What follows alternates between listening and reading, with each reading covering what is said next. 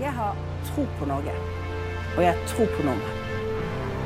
Vi er stolte av det vi får til sammen, med god grunn. Vi samarbeider godt, vi stiller opp for hverandre, og vi har tillit til hverandre. Selv om vi lever i en tid med usikkerhet, så føler jeg optimisme.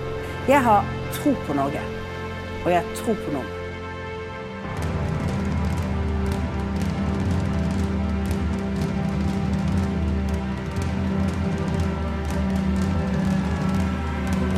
Dette et hysteri? Jo, fordi det er ingen eh, nevnverdig sammenheng mellom CO2-utslipp og temperaturene. et politisk syn. Ja, og det er å det- støtte distriktene Nei. og støtte en Eh, desentralisert Det som er realiteten hvor da eiendom er, nødt, er blitt dømt til å bli sentralisert i hendene til visse mennesker. Det har jo vært en, en voldsom prisutvikling over så lang tid. Det er businessmenn eh, som egentlig får eh, lønningsposen sin hver eh, måned, men som går på kokain for å klare å opprettholde presset i jobbsituasjonen. I fremtidens samfunn hvor eh, sannsynligvis fall en del jobber vil forsvinne, og i hvert fall jobbmarkedet blir mer usikkert. For Norge å kjempe for å redusere bruk av olje og gass som vi lever av å selge. Vi burde jo være det siste landet som gikk på dette jukseriet. Som det etter hvert har blitt mye debatt om, står det bl.a. at Norge skal respektere Kinas kjerneinteresser. under en grunnleggende mistillit, ikke egentlig bare til den sittende regjeringen, men egentlig til det hele politiske systemet som vi har sett. Venstresiden misforstår hva folk flest mener med rettferdighet. Kapitalen, Radio Nova. Det er et eller annet sexy med legemiddelindustrien. Og kritikken den hagler fra alle hold. Og saker om eh, hemmelighold og korrupsjon har skapt et bilde av denne bransjen som kapitalisme på steroider. Men spesielt merkelig er det jo ikke. For hva slags samfunn lever vi egentlig i om noe så avgjørende som medisiner skal være styrt av griskhet og kynisme? Og hva om dette bildet egentlig ikke stemmer? Om den kritikken vi ser egentlig bare er en manifestering av hatet mot griskheten som preger verden vår, og at legemiddelindustrien har blitt en syndebukk. I løpet av den neste timen så skal vi prøve å komme til bunns i hva det egentlig er som foregår. Og med meg for å gjøre dette så har jeg mitt trofaste sidekick, kamerat Mari Rolfsdatter Aspen. Mitt navn det er Klaus Solbakken, og dette, dette er eh, Kapitalen. Kapitalen på Radio Nova. Mari, Ja, velkommen. takk. Hva er det du tenker på når du tenker på legemiddelindustrien? Jeg tror kanskje jeg har et litt unyansert bilde, rett og slett. Pøs som litt sånn eh, Kanskje litt sånn kyniske mennesker eh, som er ute etter profitt istedenfor å hjelpe folk på en eller annen måte. At jeg Ja. Eh, jeg tenker litt på det, da, egentlig. Hva tenker du på, Klaus? Nei, jeg tenker vel det samme at uh, den kritikken jeg har lest, er vel i tråd med det du sier nå, men så tenker jeg også det at uh, jeg har veldig jeg har veldig vanskelig for å tro at noe kan være så galt som det det blir beskrevet som, uten at dette har kommet fram og blitt snakket om på en øh, litt annen måte. Og vi Mm. får jo prøve på det, da.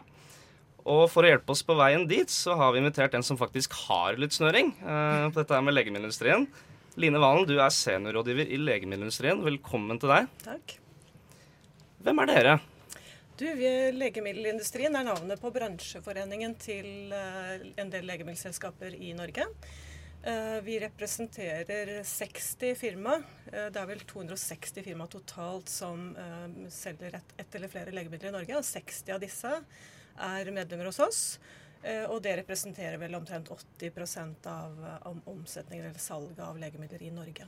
Så mange av de store firmaene er medlemmer hos oss. Og de er jo veldig ofte datterselskaper av store internasjonale selskaper, men vi har også mindre bedrifter, norske oppstartsbedrifter og produksjonsbedrifter. Og en ting som vi syns er veldig hyggelig, er at vi har eh, noen firmaer som også arbeider med fiskehelse, som jo er en veldig stor næring i Norge. Det er veldig spennende. Helt sånn konkret, hva er det dere gjør i denne bransjen? Vi er en interesseorganisasjon som arbeider for eh, de interessene som medlemmene våre har. Eh, Og det er jo slik at legemidler inngår i den norske legemiddelpolitikken på nokså høyt nivå. Vi har jo fått både legemiddelmelding fra 2015, og det er også mye debatt rundt medisiner. Så vi arbeider mye med de systemene som forholder seg til bruk av legemidler i Norge. Myndighetene har jo også et omfattende regulatorisk opplegg hvor de skal godkjenne medisiner. Eh, først på medisinsk grunnlag med nytte- og, risikoforhold som de vurderer, men også om man skal ta i bruk medisiner og finansiere dem. Så Det er ting vi eh, diskuterer. Vi er også veldig opptatt av næringsutvikling, fordi nå har jo regjeringen sagt at de vil satse på, på helsenæring. Og det kommer en helsenæringsmelding snart som vi er veldig spente på. Eh, og, og, som sagt, fiske, fiskeri er også en viktig del vi er opptatt av. Ok, Hvem er det dere jobber med på veien? Er det dialog med staten? Er det noe direktorat inne i bildet der? ja, det er mange parter vi er eh, i dialog med. Det er uh, først og fremst legemiddelmyndighetene, f.eks. Statens legemiddelverk. Uh, men det er også det, det, Helsedepartement, Næringsdepartement, Helsedirektorat, Folkehelseinstitutt osv. Så det er mange parter, og vi er jo også i kontakt med alle som er interessert i å diskutere med oss. Så det hender jo at, også at vi får henvendelser fra fra leger og pasientforeninger osv. Og media, ikke minst. Det er veldig henvendelser fra media. Ja, mm. så bra. Men eh, Så det er mye innflytelse da som dere utøver på mye legemiddel... Dialog, ja. ja. Altså, det er vel mange parter som øver innflytelse på hverandre. Så, mm. så vår rolle er å forsøke å, å, forstå hva som skjer, men også være med, være, med, i debatter og være med i diskusjoner og skape, bringe informasjon til, mm. til samfunnet om det vi gjør. Ikke sant? Mm. Men så er det sånn at innflytelse det går eh, sjelden upåklaget hen. Når man er en viktig aktør, aktør så er det mange som uh, får noen stemmer. Og en som har uh, vært ute med litt kritikk mot uh, deler av bransjen, det er deg, Øyunn Holen fra Leger uten grenser. Velkommen til deg. Ja, tusen takk. ja, altså Grunnen til at vi engasjerer oss i dette med legemidler og priser på medisiner, er jo at vi når vi jobber i felt og jobber med fattige pasienter, som, som, vi gjør, så ser vi at de ikke får de medisinene de fortjener. Uh, det er det, den effekten vi ser uh, ute i felt når vi jobber. og, det, og det er liksom to ting som, som, gjør det. Det ene er at de er for dyre. At de er, og derfor ikke når de pasientene som ofte kanskje trenger det mest. Uh, og uh, det andre er at det ofte ikke forskes på de medisinene som, uh, som På de sykdommene som rammer fattige. et eksempel på det er tuberkulose f.eks. og tropesykdommer.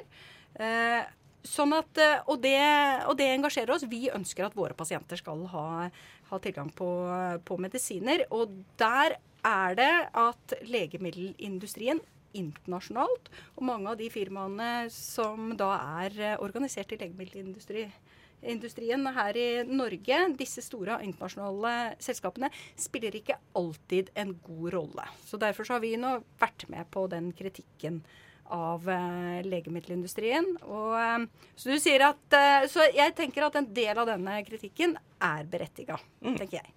Spennende. Uh, vi kommer tilbake litt til hva det er som foregår internasjonalt. Jeg tenkte først så kunne vi starte litt her hjemme i Norge. Og da er det en case som uh, jeg har prøvd å gjøre litt research på. Og det er uh, saken om preparatet Avastin. for de som ikke kjenner til saken, så var det en medisin som i utgangspunkt skulle kurere tarmkreft. Og da det viste seg at dette middelet også virka mot øyesykdommen våt AMD, så oppsto det etter hvert en rekke komplikasjoner. Eh, fordi preparatet var veldig mye billigere enn den egentlige øyemedisinen som het Lucentis. og Derfor var mange pasienter og klinikker positive til å spare inn penger og, og øke behandlingskapasiteten. Og slik jeg forstått det da, så var legemiddelbransjen eh, De stilte seg ganske negativt på flere områder for å motvirke denne utviklingen. Og jobbet via forskjellige kanaler for å, for å stoppe distribueringen av tarmmedisinen til øyesyke. Og det er et ganske klassisk eksempel på en sånn kritikk som dukker opp av legemiddelindustrien, at det er noen interessemotsetninger her. Hvem er det dette handler om? Er det da de som skal få tilgang på medisiner, eller er det økonomiske interesser inne i bildet? Er det så enkelt som uh, dette her? Det ligger nok mer i saken enn det som av og til kommer frem i media. Men uh, når det gjelder den type spørsmål, så handler det om bruk uh, innenfor eller utenfor det vi kaller indikasjon. Altså når medisiner blir godkjent for bruk så vil myndighetene sammen med industrien, sammen med firmaene, ha et omfattende eh, løp hvor de ser på kliniske data, altså medisinske data fra studier. Det går over mange år. De kliniske dataene registreres ofte gjennom en ni-tiårsperiode. Og så vil man da bestemme fra myndighetenes side om medisinen kan brukes til en bestemt type sykdom eller en versjon av sykdommen. Det kalles indikasjon. Um, I dette tilfellet så er det snakk om en medisin som er godkjent for uh, en spesiell øyesykdom, mens det er en annen medisin som mange leger og sykehus uh, har diskutert om man kan bruke for denne samme øyesykdommen. Men denne andre medisinen, den Avastin som heter, den kan bare brukes for, egentlig for kreft og revmatisme. Men den har jo hatt veldig gode resultater for disse øyesykdommene, så vidt jeg har skjønt i hvert fall. Det er en del eh, leger og sykehus som har eh, diskutert det, og noen mener at det har god effekt, og andre stiller spørsmål ved om det er hensiktsmessig å bruke det på den måten. Uh, og jeg har bare lyst til å understreke at Leger og sykehus har selvfølgelig all mulighet og rett til å bruke medisiner til det de syns det passer til, for det er en fri forskrivningsrett. Det vi fra vår bransje har stilt spørsmål ved, det er om man skal systematisk bruke medisiner utenom godkjent indikasjon. Fordi vi har jo et system som er laget for å ha grundig gjennomgang av dokumentasjon for å se om en medisin er nyttig, altså gir helsegevinst, men også om den er sikker for pasientene. Og dette er, det, er kanskje, det er fire grunner til at man trenger dette. Myndighetene, altså Vi ønsker å ha et system som, som ikke undergraver myndighetenes eget system. Eh, og det er også av hensyn til pasientens sikkerhet. Um, fordi, og det er også slik at Hvis man har, uh, bruker medisiner utenom indikasjon, så har man heller ikke en god bivirkningsoppfølging, som er veldig veldig viktig. Uh, og vi syns også at det kan, hvis, man, hvis dette utarter seg, så kan det sende et veldig sterkt signal til vår industri om at det ikke er noe stort poeng i å følge de vanlige regulatoriske prosedyrer og utvikle medisiner innenfor de vanlige løpene. Så det, det er vi veldig opptatt av. Ja, Men problemet kan jo være prisen på Eh, på disse to, da, for det er helt utrolig forskjellig pris på de, rett og slett. At uh, den uh, tarmkreftmedisinen er mye, mye billigere enn den medisinen for øynene. Så hadde det gått an å bare justere ned prisen, rett og slett? Eller? Det må jo det aktuelle selskapet svare for selv. Vi er en bransjeforening og kan ikke svare direkte på, på enkeltsaker eller hva skal vi si, detaljer innenfor hver sak. Men, men, generelt så tror jeg vi kan si det at uh, hvilken pris som passer for en medisin, det er jo noe som firmaene er i dialog med myndighetene om. Og det henger også sammen med hvilken pris man kan tilby for en medisin. Det henger også sammen med eh, hvilke, hvor mye det har kostet å utvikle en medisin, f.eks. Eh, og I akkurat dette tilfellet her så er det én medisin som er utviklet spesielt for å behandle um, øyesykdom. Det er veldig omfattende utviklingsløp, mens den andre medisinen har ikke blitt utviklet for det. Og hvis, hvis produsenten der skulle bestemme seg for å utvikle medisin for, for øyesykdom, så må man da sette i gang store medisinske undersøkelser. Kanskje man ikke må fullt gjennom alle kliniske studier, som, altså fase 1, 2, 3, men i hvert fall noen som vil koste veldig mye. Så det er jo en vurdering firmaet da må gjøre, om de er interessert i det. Og da må de også vurdere det i forhold til hvilken pris de tenker de får. da. Ja, jeg, jeg, skal ikke kommentere direkte akkurat denne medisinen. For det er ikke en medisin jeg kjenner, og en medisin som Leger uten grenser bruker. Men det er litt sånn at jeg har lyst til å fortelle en annen historie som vi opplevde. Fordi at det er litt sånn at jeg ser de argumentene som Line her bruker for å bruke den dyre medisinen. Vi kjenner igjen noen av de argumentene fra vår kontekst. Og da vil jeg gå til lungebetennelsevaksine, som er utvikla. Den er patentert. Og det patent betyr at de har enerett på salget i et visst antall år. Uh, og den har gitt enorme uh, inntekter til de to selskapene som har patent på det. Det er GSK og Pfizer. De har tjent 40 milliarder dollar på den vaksinen så langt. Den har vært patentert i en del eh, år, og nå ønsker de å fornye patenten for å fortsette å tjene like mye. Så den patent det holder da alle konkurrenter unna. Så mange av de argumentene Line nå bruker, er jo Det handler jo om å holde konkurrenter unna som kan selge den samme medisinen eller den samme vaksinen billigere. Eh, sånn at lungebetennelsevaksinen den er viktigst for verdens fattigste barn. Det er jo de som dør av lungebetennelse. Norske barn får denne vaksinen. Det koster ca. 2000 kroner for å fullvaksinere et barn i, i, Norge. Det tar norsk helsevesen seg råd til. Men se for deg helsevesenet i Jordan. Og de har tilsvarende pris. Det er helt uaktuelt for dem å klare det å vaksinere alle barn. Og det, eh, og, og, eh, og det gjør at de pasientene som trenger det mest, får den ikke. Norske barn eh, man kan bli alvorlig syk av lungebetennelse også i Norge, men det er veldig få barn som ville ha dødd av denne av, eh, av lungebetennelse i Norge. Hovedsakelig beskytter det faktisk besteforeldrene i Norge mest. Barnebarna smitter ikke sine besteforeldre. Men i fattige land så vil dør barn av lungebetennelse, og de får ikke denne vaksinen. En tredjedel av verdens land tar ikke inn vaksinen i sine vaksinasjonsprogram i det hele tatt, fordi vaksinen er for dyr og fullstendig utenfor rekkevidde for dem.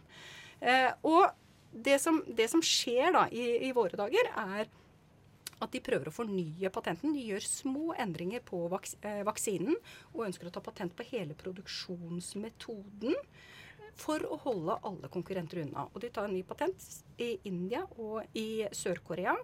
Og India er veldig viktig her, og veldig spesielt, fordi at India har en stor eh, produksjon av kopimedisiner eh, til hele verden. Hele den fattige delen av verden. Sånn at India har en nøkkelrolle her. Så det handler ikke bare om indiske barn, det handler om barn i hele verden. Så hadde India kunnet fått lov til nå, når patienten går ut, å kunne lage en billigere vaksine som de faktisk kunne selge til verdens fattige land, så hadde vaksinen blitt mye mer tilgjengelig.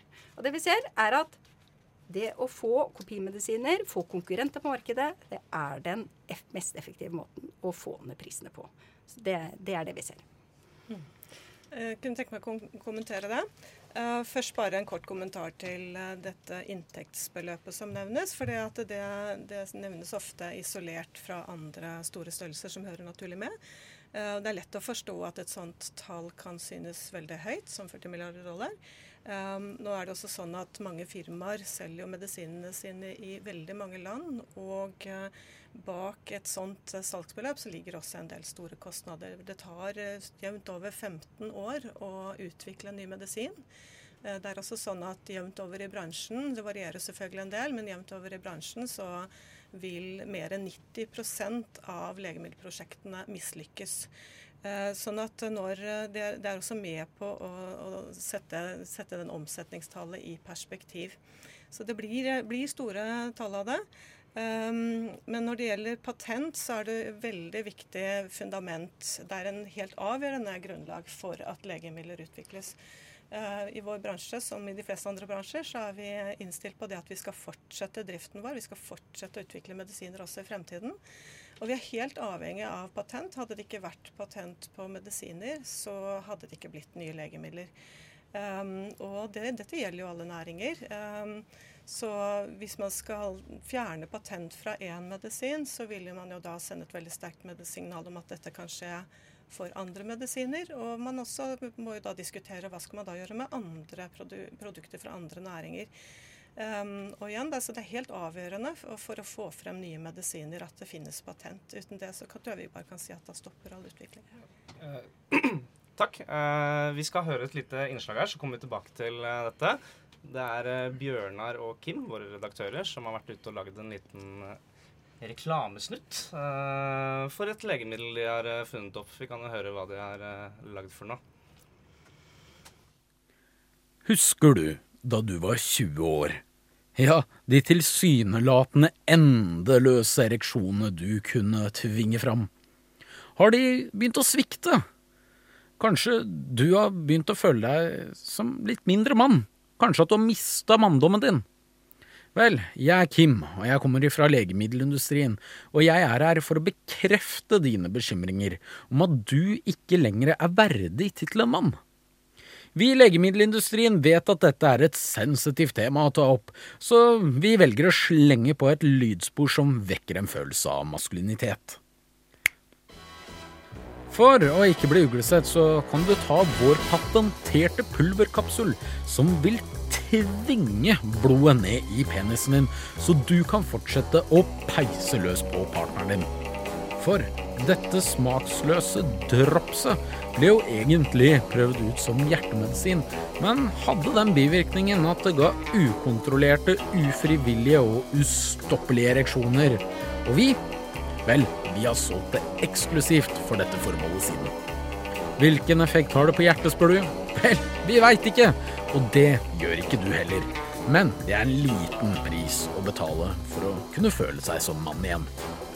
Vår blodpumpende peniskapsul gir deg ereksjoner som er lengre, mindre sensitive og ja, generelt dårligere enn naturlige ereksjoner.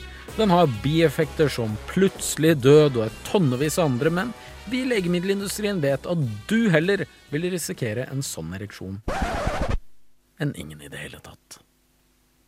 Tusen takk, Kim og Bjørnar. Eh, dere lytter til Kapitalen på Radio Nova, og nå hørte vi nettopp en eh, ja, jeg vet ikke helt hva det var, men en, en, en reklame for et eller annet. Tema for dagens sending det er legemiddelindustrien, og med oss i studio som gjester så har vi Line Valen, seniorrådgiver i legemiddelindustrien, og Øyunn Holen fra Leger uten grenser. Men som sidekick så er jeg Mari Rolfsdatter Aspen, og mitt navn det er Klaus Solbakken. Hva synes du, Line? Var denne kritikken slående? Traff det noe? Det skal vel henspille på vill og hemningsløs reklame, kanskje. Um, nå er det jo sånn i Norge at vi har særdeles god kontroll med både reklame og hvordan man skal diskutere medisiner. Det er jo både regler i vår bransje, selvjustisen vår, men også selvfølgelig mye regler fra Legemiddelverket og myndighetene for øvrig.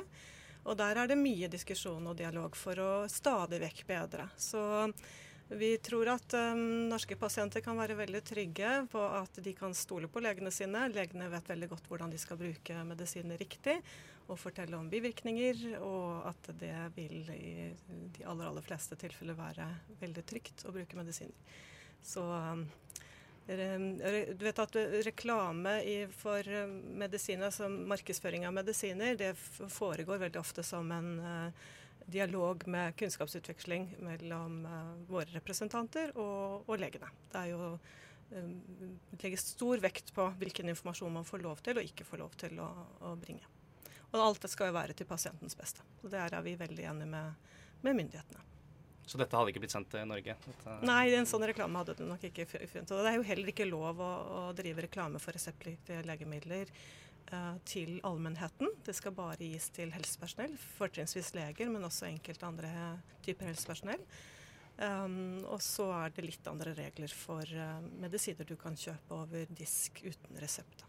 Er legemiddelindustrien gjennomgående positiv til det forbudet? Er det vi, eh, vi, er eh, veldig positive til at det er en god kontroll med markedsføring. Det er et tett og godt uh, samarbeid mellom vår, vår, industri, firmaene våre og bransjeforeningen og, og myndighetene om det. Det har vi hatt i mange, mange år.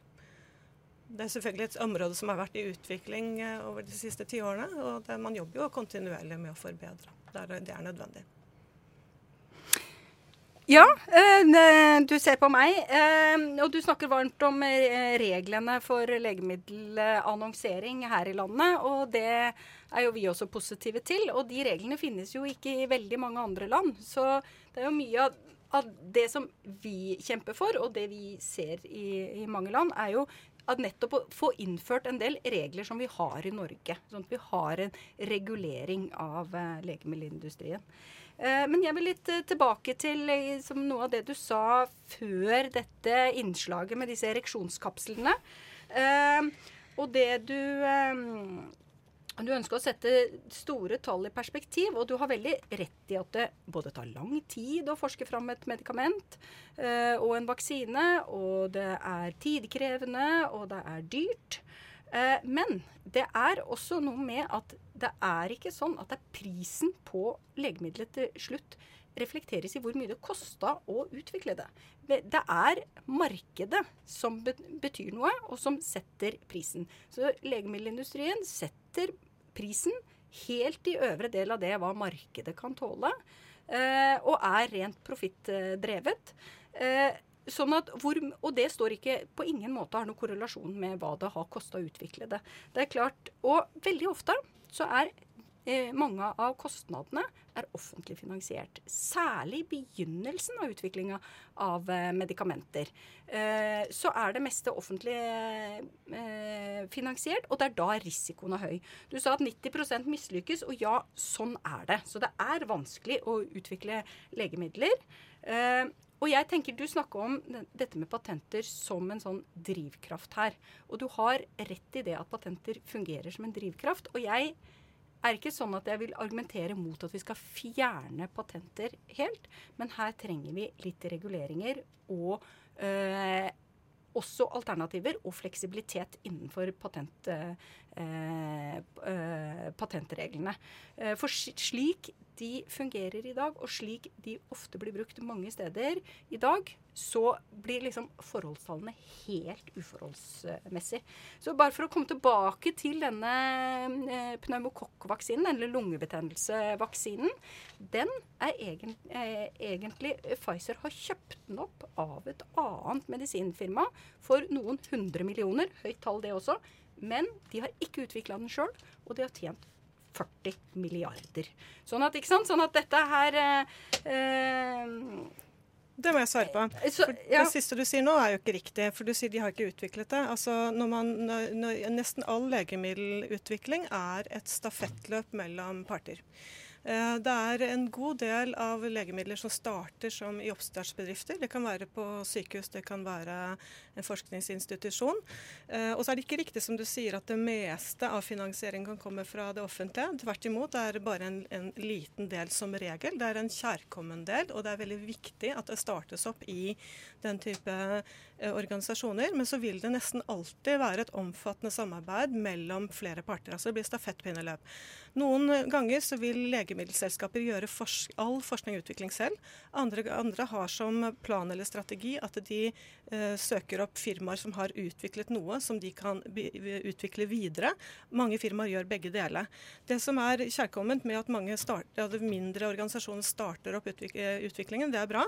Men så er det svært få av dem som har kapasitet i form av tid, krefter, penger, folk Eh, kompetanse innen legemiddelutvikling til å gjøre den jobben selv. Derfor så blir det et partnerskap som er helt nødvendig og verdifullt. Og nå er det sånn at uh, Først så har du ofte en treårsperiode hvor man forsker frem et virkestoff. Deretter kommer det ofte en ca. ni års periode med det vi kaller kliniske studier. Fase 1, 2 og 3. Den siste delen, altså fase 3-studiene alene, står for nesten 50% altså nesten halvparten av de totale utviklingskostnadene. Sånn at eh, Det er utrolig viktig at mindre oppstartsbedrifter starter, men det er helt avgjørende at det er store aktører som regel som kan fullføre det. Hvis ikke så hadde det ikke kommet legemidler på markedet. Og så hadde jeg lyst til å si, kommentere et par ting til. Um, det er jo også viktig når man snakker om priser på legemidler, i hvert fall i Norge, det er veldig mange forskjellige systemer i ulike land, så det går ikke an å komme inn på her, tror jeg. Men i Norge så har vi et uh, prioriteringssystem hvor nye legemidler og for nye bruksområder blir vurdert i alle fall. Det betyr at myndighetene ser hvor mye helse de får for pengene. I, når prisen er akseptabel, så blir det ikke noe diskusjon, men i noen tilfeller så vil man mene at prisen er for høy. Da blir det diskusjon, og i de fleste tilfeller så blir man enige, sånn at pasientene kan få tilgang til medisiner. Eh, så, og når man har de internasjonale prisene, så vet man ikke på forhånd om den passer til norske forhold. For Norge har sine helt egne kriterier for å prioritere. Så det er viktig å få med seg. Um, og så Når det gjelder regulering av patentreglene, så er jeg litt nysgjerrig på hva, hva tenker Leger uten grenser er alternativet til den patentløsningen vi har i dag. Ja, Du kan velge ja. å svare på hva du vil. ja, eh, Jeg vil bare si dette med, med offentlig finansiering. Første del er ofte eh, Da er ofte den største delen eh, offentlig finansiert. Det tror jeg er riktig. Du har, ja, og at, du har rett i at det er en stafettpinne her, og at det tar lang tid, og at det er mange deler og mange faser i utviklingen av en, uh, av en medisin. Uh, og når det gjelder uh, patentsystemet, så tenker jeg at vi kan ikke avvikle fullstendig patentsystemet slik det er i dag. Vi har ikke noe annet godt system å sette i isteden. Hadde man funnet det perfekte systemet isteden, så, så hadde jeg gått for det. Men, eh, men, men, det har vi ikke. Eh, men det som er viktig, tenker jeg, å ha fleksibilitet i patentsystemet. Bl.a. de fleksibilitetene som finnes i TRIPS-avtalen, som WTO, verdens eh, verdens handelsorganisasjon har, har eh, vedtatt. Og det gir muligheter til for et land å kunne la konkurrenter komme på markedet dersom en pris på en medisin har betydning for folkehelsen. Vesentlig betydning for folkehelsen. Sånn at her st står da eh, folkehelseinteresser blant folk flest opp mot da patentinteresser og inntjening for eh, legemiddelselskapene. Eh, og det som da mange av disse selskapene som er organisert i din eh, forening, eh, de største og de sterkeste, spiller ikke en god rolle i det. De er veldig ofte pådrivere på og driver en sterk lobby for å få til strengere patentregler i bilaterale handelsavtaler. Sånn at fattige land, som egentlig har en mulighet og en fleksibilitet i TRIPS-avtalen opprinnelig, de blir nødt til, for å få til en handelsavtale med rike land, som de ofte er avhengig av å kunne handle med, så er de nødt til å bytte bort muligheten til å ha fleksible ordninger og mer åpne patentregler. De blir tvinges til å ha strengere patentregler. Eh, Sånn at, eh, Og du spurte hva er alternativet. Og jeg tenker det er én ting som særlig norske myndigheter kan gjøre nå. Vi sitter faktisk i disse dager og forhandler med India, eh, EFTA. Og i EFTA så er vi jo sammen med bl.a. Island og Sveits. Norge har jo ikke noe stor eh, legemiddelindustri som produserer legemidler i vårt land. Eh, men EFTA går for en veldig streng patent, eh, eh patentavtale, eller patentregler, i India. Uh, og det er mye sveitsisk legemiddelindustri som presser på. Dette har Norge ingen interesse av. Men der har ikke Norge vært sterke. Vi har ikke hatt noe ryggrad på dette her. Eh, så, så, jeg uh, tenker at én ting Norge kan gjøre, er nettopp i denne handelsavtalen ha litt mer ryggrad og stå for at det er viktig, ikke bare for India, men for hele verden, at India får beholde en mer fleksibel patentordning på, øh, på medisiner. Og at øh, og det er jo også en ting som Norge kan gjøre som ikke akkurat koster norske skattebetalere noe. Altså, vi liker jo å tro at vi er gode på bistand og har solidaritet med fattige, men uh, her har vi muligheten til å kunne gjøre mer. Supert. Vi kommer tilbake til det. Vi gir oss ikke her, men først må vi nesten få et lite musikalsk avbrekk i varmen. Uh, vi skal høre sangen 'Glas' av Inga, og etterpå så får vi høre nok en liten reklamesnutt. Nytt sangen.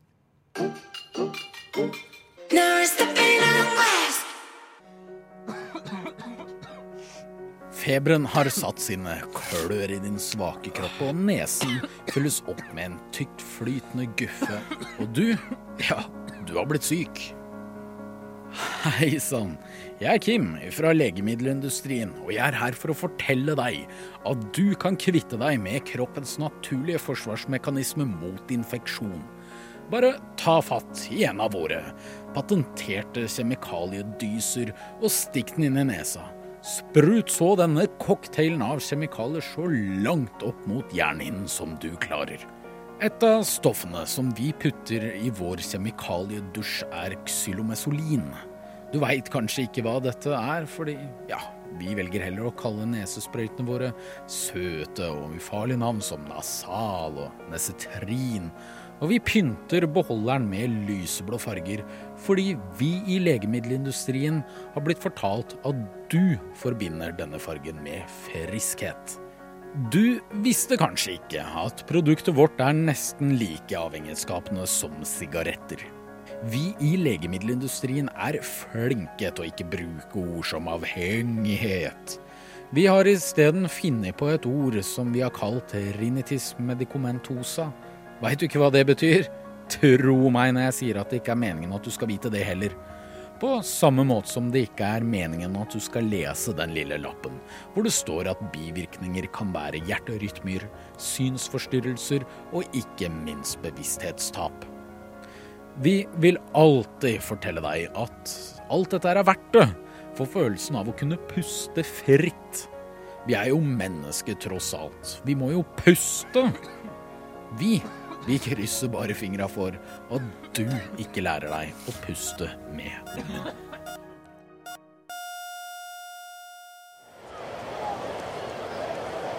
Nå lytter du til Kapitalen.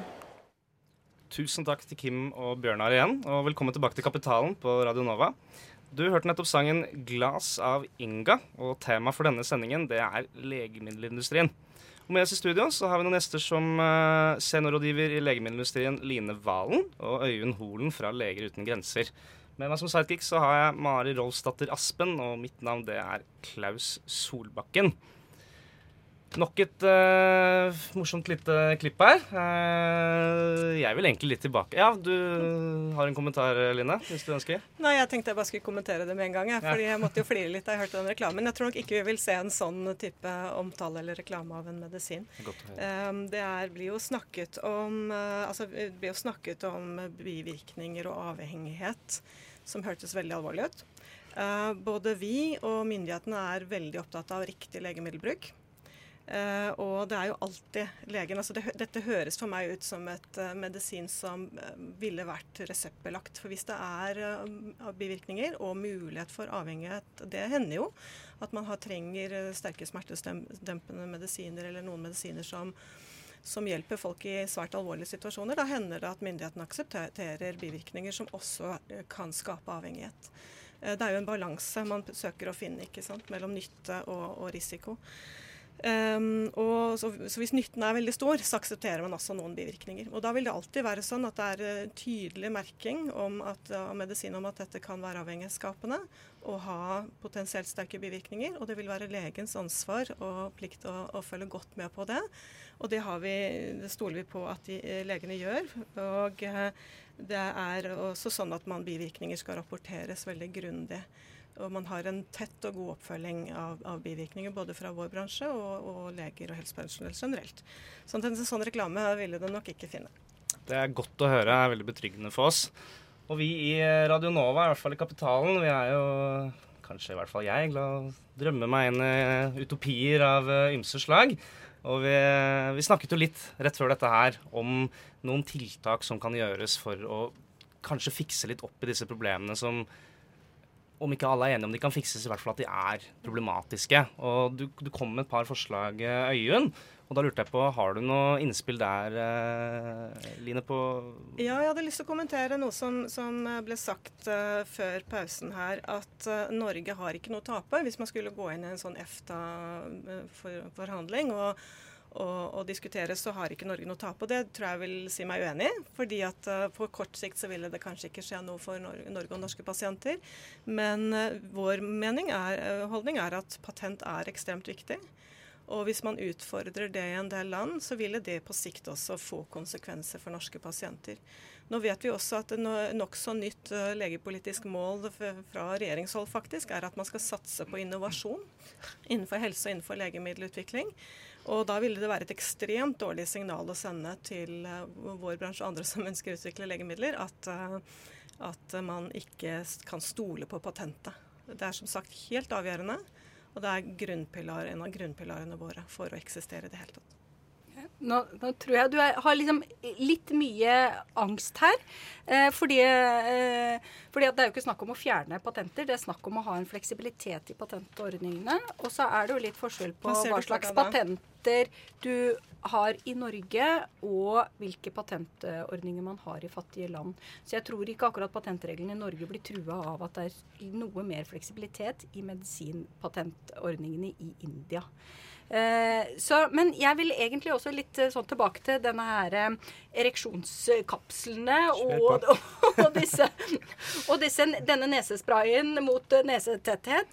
Fordi at det får meg til å også tenke på Klarer vi innenfor dagens system å faktisk forske på det som trengs mest? Det forskes på ereksjon, og det forskes på nese, nesetetthet. Og er mens det forskes ikke på noen dødelige sykdommer som rammer fattige. Og akkurat det er jo også et problem med det at det er 100% profittdrevet. At der hvor det ikke finnes et marked, ja nei, da er det ingen insentiv for forskning. Så vi må jo forske også på sykdommer som rammer fattige. Og jeg tenker tuberkulose er virkelig et ganske grelt eksempel der. Det er liksom per i dag den enkeltbakterien som dreper flest uh, mennesker i verden. Ca. 1,7 millioner mennesker hvert, uh, hvert, år. Det er veldig cirka-tall. Det er fra WHO, det er et estimat. Men, uh, men mange dør av tuberkulose. Tuberkulosebehandling har ikke endra seg på veldig mange år. Siste tuberkulose, nye tuberkulosemedisinen for vanlig tuberkulose det kom på 70-tallet. Og siden så har behandlingsprotokollen vært nøyaktig den samme. Og det er litt sånn eh, som jeg også har opplevd som eh, lege i, eh, i felt. Så er det liksom siden 2001 mal antall malariadødsfall i verden det er en fjerdedel av det det var den, den gangen, i 2001. Og hiv, hvor mange hiv-medisiner har vi ikke fått siden den gang? Og nå også så er de tilgjengelig for fattige. Eh, det var jo også en kamp.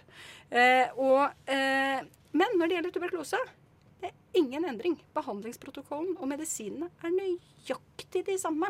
Det forskes altfor lite. Og der må man klare å finne alternative forskningsfinansieringsmuligheter. Jeg tror, jeg tror, du har rett i det. fordi det er noe sånn at vi arbeider i skjæringspunktet mellom forretningsvirksomhet og folks liv og helse. Og det er, det er en krevende situasjon for alle parter. Pasienter, myndigheter, politikere, også oss. Og nettopp det faktum at vi er nødt for å ha et lønnsomt overskudd for å kunne fortsette å utvikle medisiner. Det er vi helt avhengig av. Og da er det, som du sier, det kan være en områder hvor det da ikke blir forsket. Og da tror jeg jeg er enig med deg om at uh, man må lete etter andre finansieringsmåter. Det kunne kanskje være offentlig finansiering. Um, måter å samle inn penger på. Det er, det er litt vanskelig å se for seg hvordan man skulle få det til i praksis, fordi det er ekstremt krevende. Som sagt så tar det 15 år omtrent å utvikle en medisin. Eh, vi vet at i vår bransje nå, nå på 70-tallet så kostet det ca. 1 milliard kroner å utvikle en vellykket medisin. Nå koster det mellom 15 og 20 milliarder kroner å utvikle den samme vellykket medisinen. Eh, og eh, vi er helt avhengig av at vi da får de investeringene som skal til. Det er veldig veldig krevende, så jeg, jeg klarer ikke akkurat nå å se helt for meg hvordan vi skal finne et alternativ, men jeg tror du har rett. Det, man må nok lete etter et alternativ. Uh, ja, uh, Øyunn. Uh, hvem er det som Er det markedet da som styrer hva som blir forsket på, eller hvem er det som som blir, styrer det? Ja, det blir markedet. Det, blir, eh, det er inntjeninga til eh, lege, legemiddelselskapene. Uh, og så jeg, jeg, vil bare liksom uh, Tilbake til noe du faktisk sa helt innledningsvis. At om disse legemiddelprodusentene og alle legemiddel, alle som jobber i legemiddelindustrien som noen kyniske personer, det tror jeg absolutt ikke. Dette er engasjerte mennesker. Det er mange forskere som jobber innenfor legemiddelindustrien, er veldig engasjert og dedikert til det de gjør. Men det er noe med systemet her som gjør legemiddelindustrien, de største selskapene, til noen av de mest profitable på børsen internasjonalt. Nei, det stemmer ikke. Men det kan vi ta etterpå. Ja, ja, nei, og det er Eh, jo, men det er jo noen av de selskapene som faktisk har gått med mest overskudd, og hvor da aksjeavkastningen har vært, eh, har vært størst gjennom de, de Svar gjerne på det. Det er viktig at du sier 'har vært', for hvis du går 20-30 år tilbake i tid, så var, var lønnsomheten nokså god. Den er på kraftig vei ned, dessverre. Um, det er, man ser at uh, man har hentet ut mye av potensialet i legemiddelutvikling. Uh, det betyr at man har, det skal svært mye mer til nå for å, la, for å hente ut mer helsegevinst i eh, nye medisiner. Eh, og dette gjør at vår bransje er nødt til å gjøre endringer. Det er vi i ferd med å gjøre. Den klassiske legemiddelutviklingen, eller klassiske legemidlene, der er det ikke så mye lønnsomhet mer. Vi klarer ikke, å, klarer ikke å få ut mer helse, så mye mer helse. Det viser nettopp det at det kostet 1 milliard på 70-tallet å lage en, en, vellykket medisin. Nå koster det mellom 15 og, og, og 20 milliarder. Det betyr at vi må pøse på med mer og mer køl for å få ut en helseenhet. Eh, det har blitt ekstremt vanskelig, og det gjør samtidig at lønnsomheten går i bånn. Og det gjør samtidig at man, man, eh, ikke nødvendigvis ønsker å investere mer i, i, den klassiske legemiddelutviklingen. Men nå er bransjen på vei over i nye teknologier, og vi håper at det skal kunne bringe mer helse. Man har kommet godt i gang med bioteknologi. Vi snakker om genterapier. Og eh, alle næringer går gjennom en sånne sykluser, at man har en lønnsomhet en periode, og så går det ned. Eh, og nå er vi også der at vi må gjøre endringer. Og det kommer til å skje. så Det kommer til å gå bra, og vi kommer til å kunne skaffe mer helse for pasientene. Men det er lenge siden lønnsomheten har vært god. Den er faktisk faretruende lav for tiden. Ja, eh, Øyunn, du snakket om eh, systemet, og at det er noe i systemet som er feil. Er det da det økonomiske systemet? Er det det at uh, selskapene er drevet av profitt? Hva er alternativet til å ha uh, altså en markedsstyrt uh, helsetjeneste- og legemiddelindustri? Det er, det er, at man har litt mer regler for hvordan man skal tjene, man skal tjene pengene.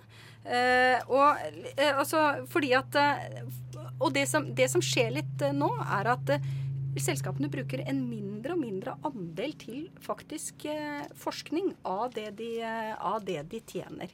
Eh, og det tas ut mye, tas mye profitt på, på børsen. Og, og pengene går ikke tilbake til forskning. For det var et argument du begynte med her, var at medisin, med høye medisinpriser fordi det, til, det trenger man for å utvikle og forske på medisinene. Og hadde all, alle pengene gått tilbake igjen til eh, medisinforskning, det hadde nå vært én ting, men det gjør det faktisk dessverre ikke. Sånn at jeg tenker litt at noe av mekanismene her må at noe av det man tjener, må gå til at de plikter å gå til å forske på områder hvor det ikke er så mye å, å tjene. Uh, og når det gjelder uh, Jeg kommer tilbake til tuberkulose. Forskning på det. Så er det, det er en del initiativer som pågår. Uh, som er i gang, som, man, som virker lovende og som man tror på. Og det er liksom man kaller for sånn 3P-prosjekt. Altså pull, push, pull og pool. Og det er push, at man gir litt offentlig tilskudd. Pull, at man får en pris for å ha oppnådd noe på veien.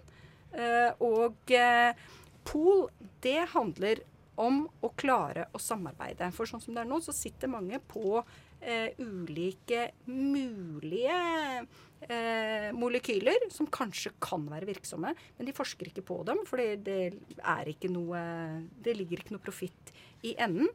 Men kanskje hvis man kunne sette de sammen, altså at fra flere forskjellige selskaper så sitter man på ulike molekyler.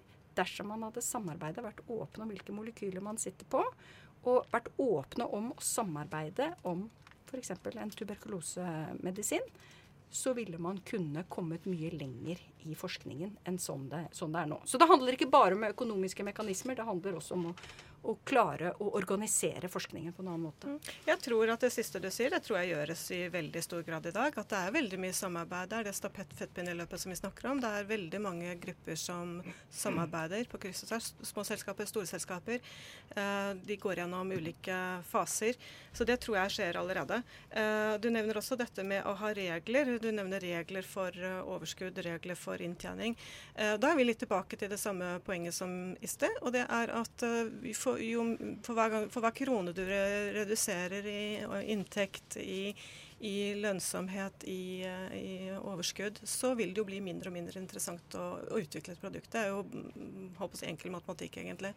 Så man kan, Hvis man lager regler, kan man kanskje gjøre, men da vil man jo også begrense utviklingen og innovasjonen. og da, da halverer du lønnsomheten eller inntjeningen, så halverer du også interessen for å, for å utvikle medisiner. Så det er jo et valg man kan gjøre i et samfunn. Ja, jeg snakker om tilgang på medisiner for fattige og i fattige land. Og jeg ser for meg også at man kan godt ha et toprissystem, kanskje til og med et treprissystem, eh, hvor fattige land kan betale mindre, men at ja, inntjeningen kommer i rike land. Eh, da det betyr at legemiddelindustrien vil ikke tjene like mye i fattige land. Nei. Men de, den inntjeningen får de uansett i rike land. Og hvis Men altså og det, og liksom sånn Hvis man ikke har et toprissystem, eneste effekten av det er at de fattige, de som trenger det mest, får den ikke i det hele tatt. Jeg tror du har rett i det, og det, det, gjøres faktisk i stor grad i dag. Det er mange legemiddelselskaper som har egne programmer hvor de har uh, lavere priser til lavkostland. Uh, og, og, det er også veldig interessant det du nevner i forhold til at uh, mange av de rike landene har også ganske sterke krav til å ha lave priser. I Norge så har vi faktisk et legemiddelpolitisk mål på høyt nivå om at man skal ha lavest mulig priser. Og det kan jo komme på bekostning av, av fattige land. Det kan komme på bekostning av andre legemiddelpolitiske mål som kvalitet og pasientsikkerhet. Og nettopp dette med innovasjon, som er blitt et nokså nytt mål i legemiddelpolitikken. Så jeg tror man må finne en god balanse. Eh, det er alltid interesse for, for pris. Eh, men den prisen vil jo ofte reflektere veldig mange andre forhold. Hvilken helsegevinst vi får, men også hvor mye industrien ønsker å satse på utvikling. Og også hvor, hvilken tilgang fattige land får til medisiner. Ja.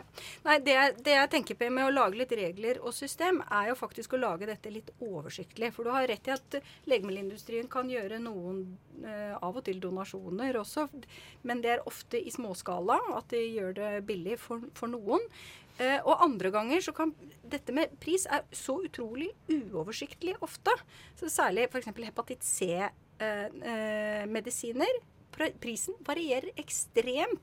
Også mellom ulike fattige land. Og det handler om deres evne til å eh, Landets evne til å, å gå i dialog med legemiddelindustrien og faktisk få til en prisreduksjon. Du har rett i at norske myndigheter er ganske gode på det, å få til en prisreduksjon. Så det er mange legemidler som er billigere i Norge enn f.eks. på Filippinene eller i Jordan eller i Pakistan, Egypt. Altså, ikke sant? Sånn at du har mange land hvor legemidlene er uforholdsmessig dyre. Og det handler om myndighetenes kapasitet og mulighet til å gå inn i forhandlinger med legemiddelselskapene på hvert enkelt medikament. Og det, sånn at man burde heller ha hatt et, en mer systematisk tilnærming til det. Sånn at den faktisk var billig i land hvor, eh, hvor medikamentene trengs.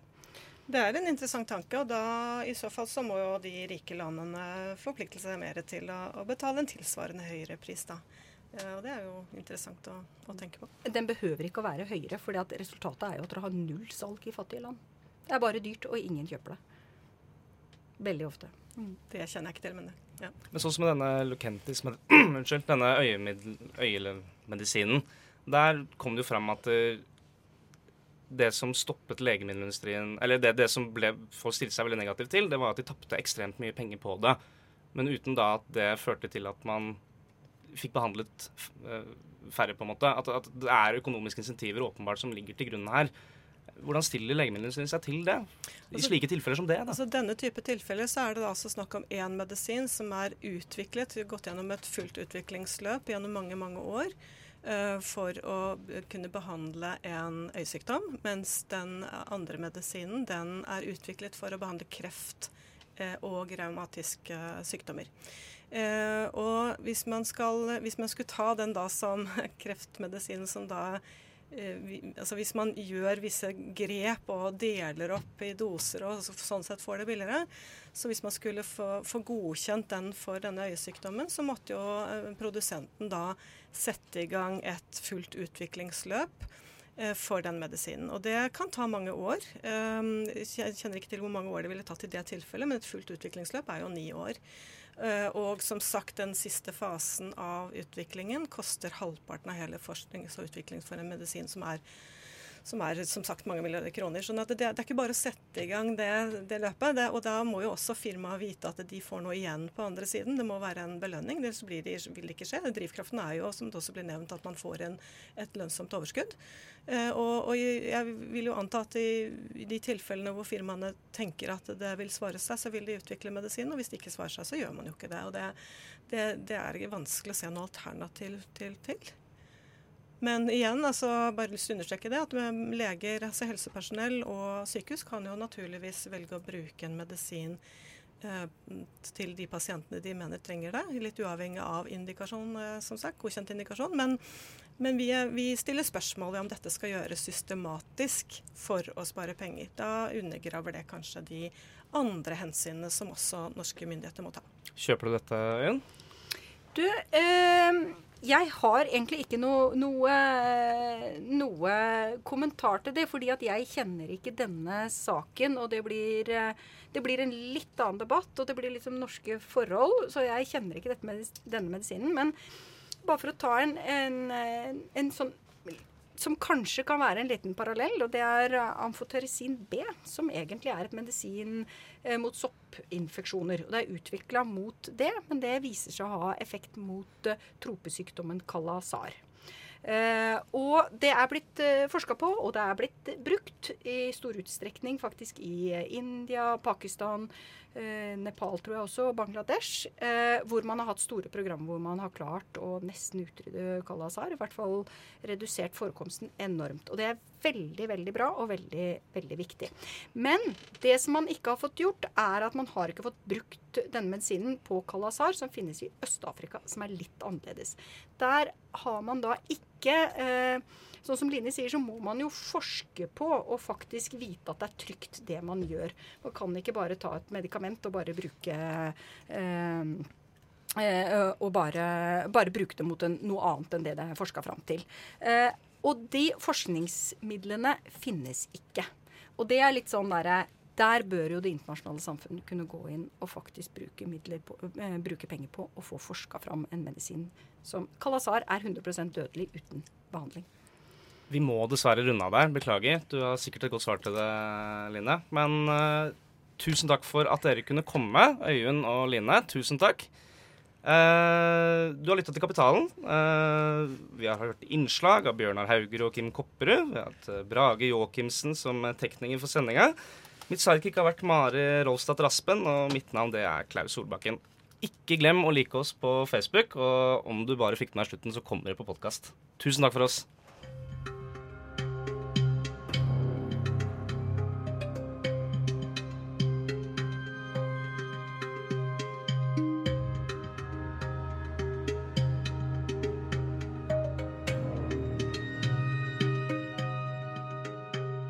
Kapitalen.